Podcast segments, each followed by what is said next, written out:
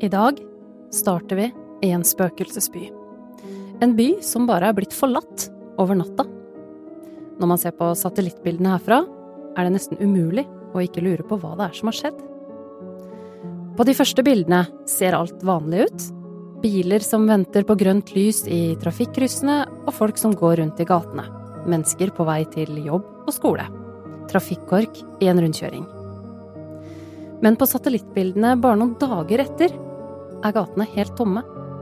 Det er ingen mennesker som går mellom bygningene. Og rundkjøringa, den som var full av biler, ligger øde og forlatt. Bak disse satellittbildene ligger det en konflikt som kan få store konsekvenser. Du hører Forklart fra Aftenposten, hvor vi hver dag forklarer en nyhetssak. I dag om en konflikt som har pågått i over 30 år, og som nå kan skape en større krig få gamle allierte til å skifte side. Det er mandag 30. oktober, og jeg heter Hanne Marie Maugesten. Jeg husker Stepanakert som en helt vanlig, rolig by. Ehm, det var vel rundt 70 000 innbyggere da vi var der. Brede, velholdte gater, lave murhus. Eh, det var parker, eh, lekeplasser. Eh, ganske lite trafikk. Egentlig en ganske sjarmerende liten by. Henning Kar Ekerhol er journalist her i Aftenposten, men hit til byen på toppen av en snirklete fjellvei dro han som turist. Nei, altså Utbryterrepublikker har jo en, eh, noe eget ved seg som du ikke finner i andre anerkjente nasjonalstater. Det er det eneste stedet jeg har vært der det har vært eh, bevæpna postbud med blålys eh, på postbilene. Eh, og vi møtte jo en av disse eh, ansatte som kjørte en av disse postbilene, og han var jo overstadig berusa. Men hadde en veldig tydelig holdning om at posten skulle frem, uansett om man befant seg i en anerkjent stat, i et konfliktområde, eller om det var andre uforutsette utfordringer som måtte løses. Posten skulle frem. Uh, og det var nok, uh, så vidt jeg forsto, forklaringen for at man hadde både våpen og blålys på postbilene. Og disse postbilene med våpen og blålys, de kjørte rundt på veiene i byen som vi kunne se på satellittbildene.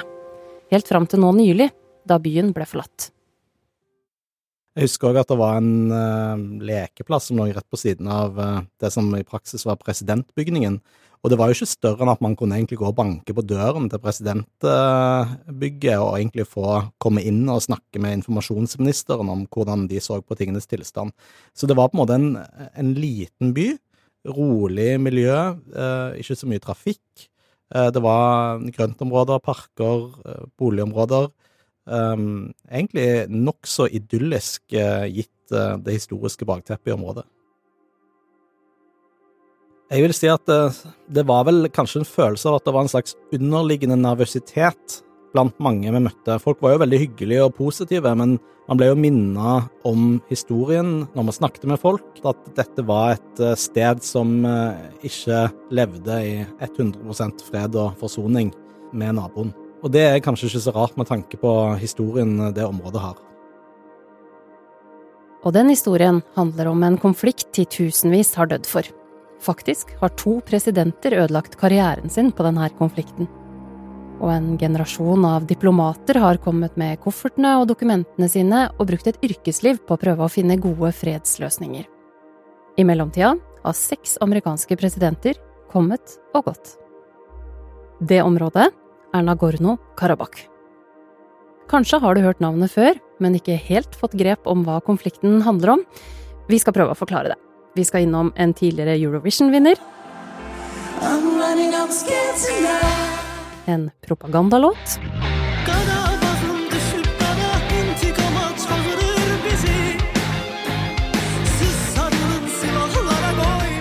Og ikke minst den dramatiske flukten til over 100 000 mennesker.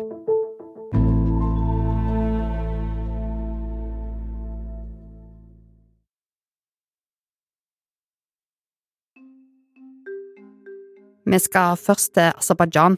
Det ligger litt til høyre for Tyrkia på kartet, og sist gang de hadde verdens øyne retta mot seg, var for over ti år siden, da de arrangerte Eurovision-finalen i hovedstaden Baku. Da er vi i gang. Velkommen til Aserbajdsjan og 20 000 velvillige tilskuere. Dette blir et forrykende show hvor Norge er én av 26 finalister. Inni Aserbajdsjan ligger enklaven som heter Nagorno-Karabakh. Helene Skjeggestad, du har jo fulgt eh, denne konflikten. Hva er det som er så spesielt med det området her? Det er et område som er helt omringa av en annen stat, og i dette tilfellet da så ligger Nagorno-Karabakh inni landet Aserbajdsjan. Nagorno-Karabakh er et område på størrelse med det gamle Østfold fylke, og det er egentlig internasjonalt anerkjent som en del av Aserbajdsjan, men de ca. 100 000 innbyggerne de er etniske armenere, og i praksis så har det fungert som en, som en del av Armenia. Dette er en konflikt som kanskje virker litt fjern og, og ikke så viktig, men, men, den er viktig å forstå fordi den i miniatyr beskriver det som er en stor og viktig verdenstrend, nemlig den økende konflikten mellom Russland og Vesten, og med Tyrkia som litt krydder på toppen. Konflikten starta allerede da Sovjet kollapsa. Og armenerne tok eh, kontroll over området, eh, og siden den gang så har det vært et ekstremt usikkert område prega av konflikt og og ja, krig. Og det området de tok kontroll over, har vært internasjonalt anerkjent som en del av Aserbajdsjan. Høsten 2020 strevde verden med korona, men Aserbajdsjan hadde andre planer enn bare vaksiner og munnbind. De lagde en ny låt. Denne gangen var det ikke en sviske om kjærlighet, men en metal-sang om de væpnede styrkene deres.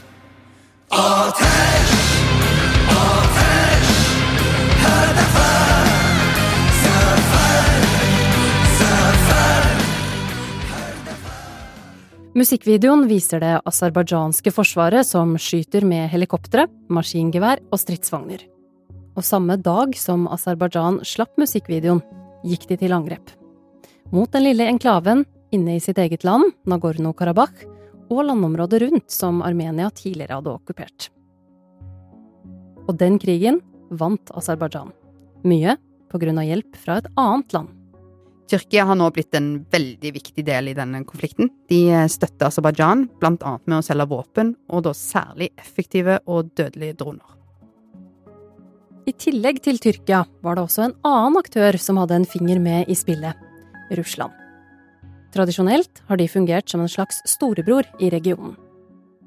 På denne tida så satt jeg i Moskva, og denne krigen dominerte fullstendig nyhetsbildet i Russland, og det ble slått voldsomt opp da Putin klarte å lage en slags våpenhvile, som da gikk ut på at Russland skulle sende eh, fredsbevarende styrker og, og, holde en korridor åpen fra Armenia til Nagorno-Karabakh, sånn at de kunne få inn forsyninger, og sånn at folk kunne reise ut og inn.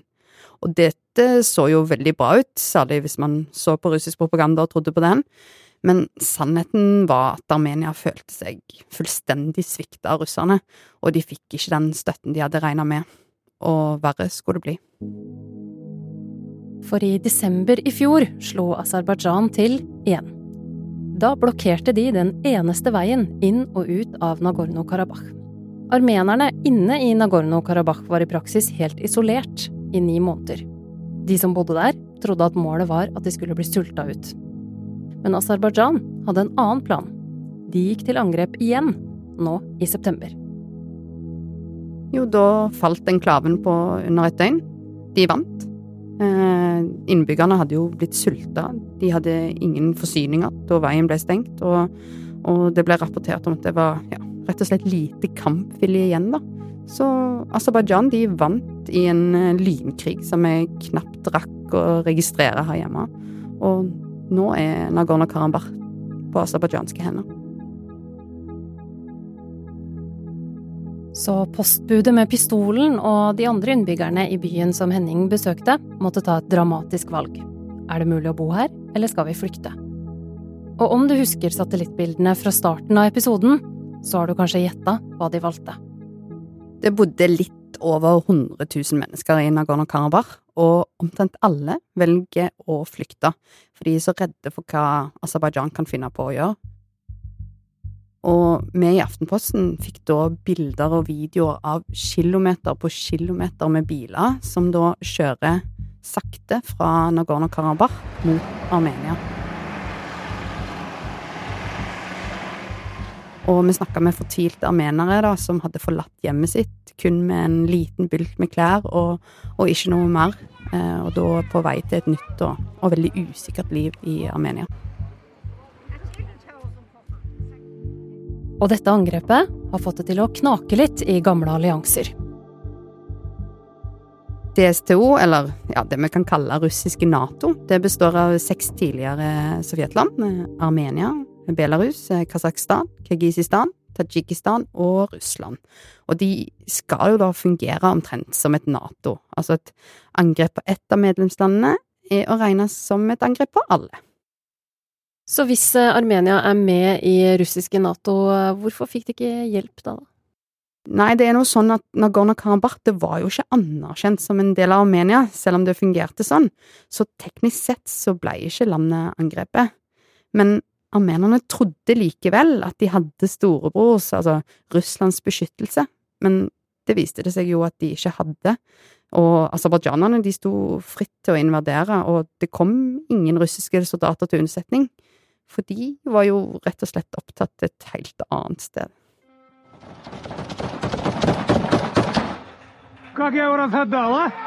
Og mens Russland har vært i full krig med Ukraina, har de altså mista grepet om denne lille enklaven. Etter at Aserbajdsjan tok mye område i 2020, så følte armene seg svikta av Russland. Og da begynte de å se mot Vesten. Altså, de fikk hjelp og støtte av EU, og, og nylig så hadde amerikanske soldater øvelse i Armenia.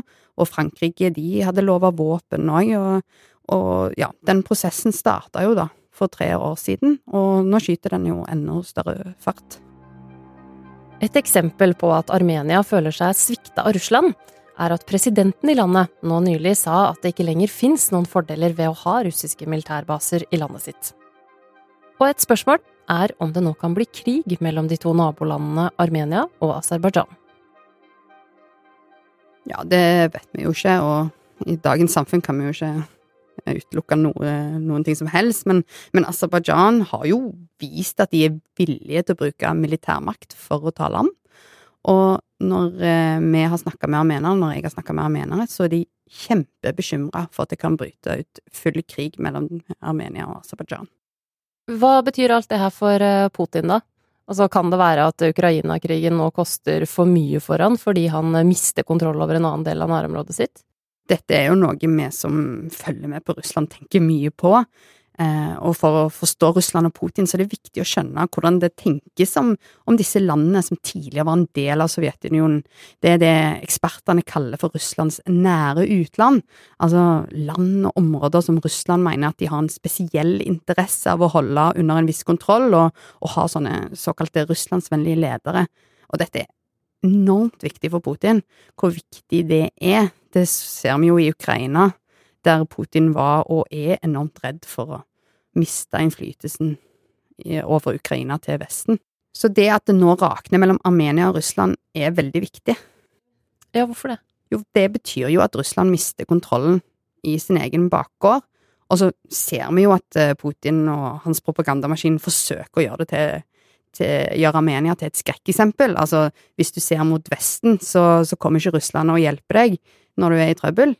Men det som egentlig er sannheten, er at Russland er nå en like stor taper som Armenia.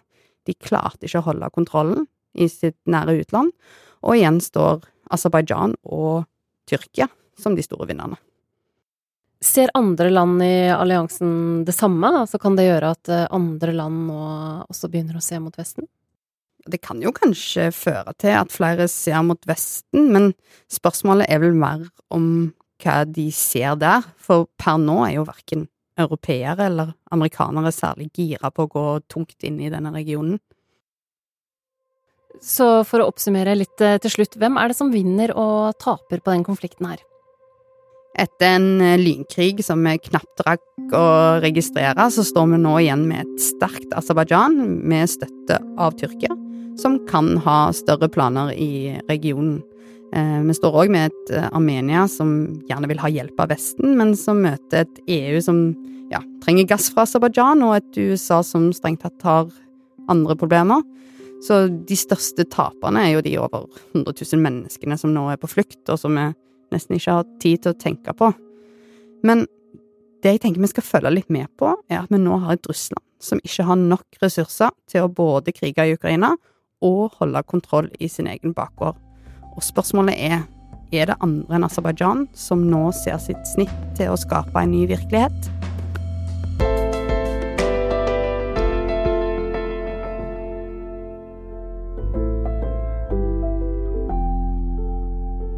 Du har hørt en podkast fra Aftenposten.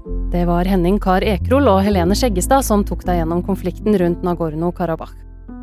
Denne episoden er laga av Olav Eggesvik og meg, Hanne Marie Maugesten. Resten av Forklart er Anne Lindholm, Anders Weberg, Jenny Føland, David Vekoni og Synne Søhol. Du har hørt lyd fra det aserbajdsjanske forsvarsdepartementet, AP og EBU Eurovision.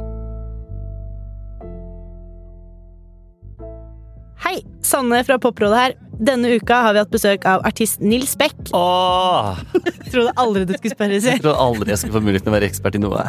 Og vi snakker om prinsesse Ingrid Alexandras liv på østkanten, Elsker den norske kongefamilien. jeg. jeg gjør også det, altså. Real Housewives og Love is Blind. Nå er de helt ute å seile her. Og så er vi innom den nye Britney-boka og David Beckhams angivelige elskerinne. Det blei litt mye fotball for meg. Ja, meg òg. ja ja. Hør Poprådet i Aftenposten-appen eller hos Podme.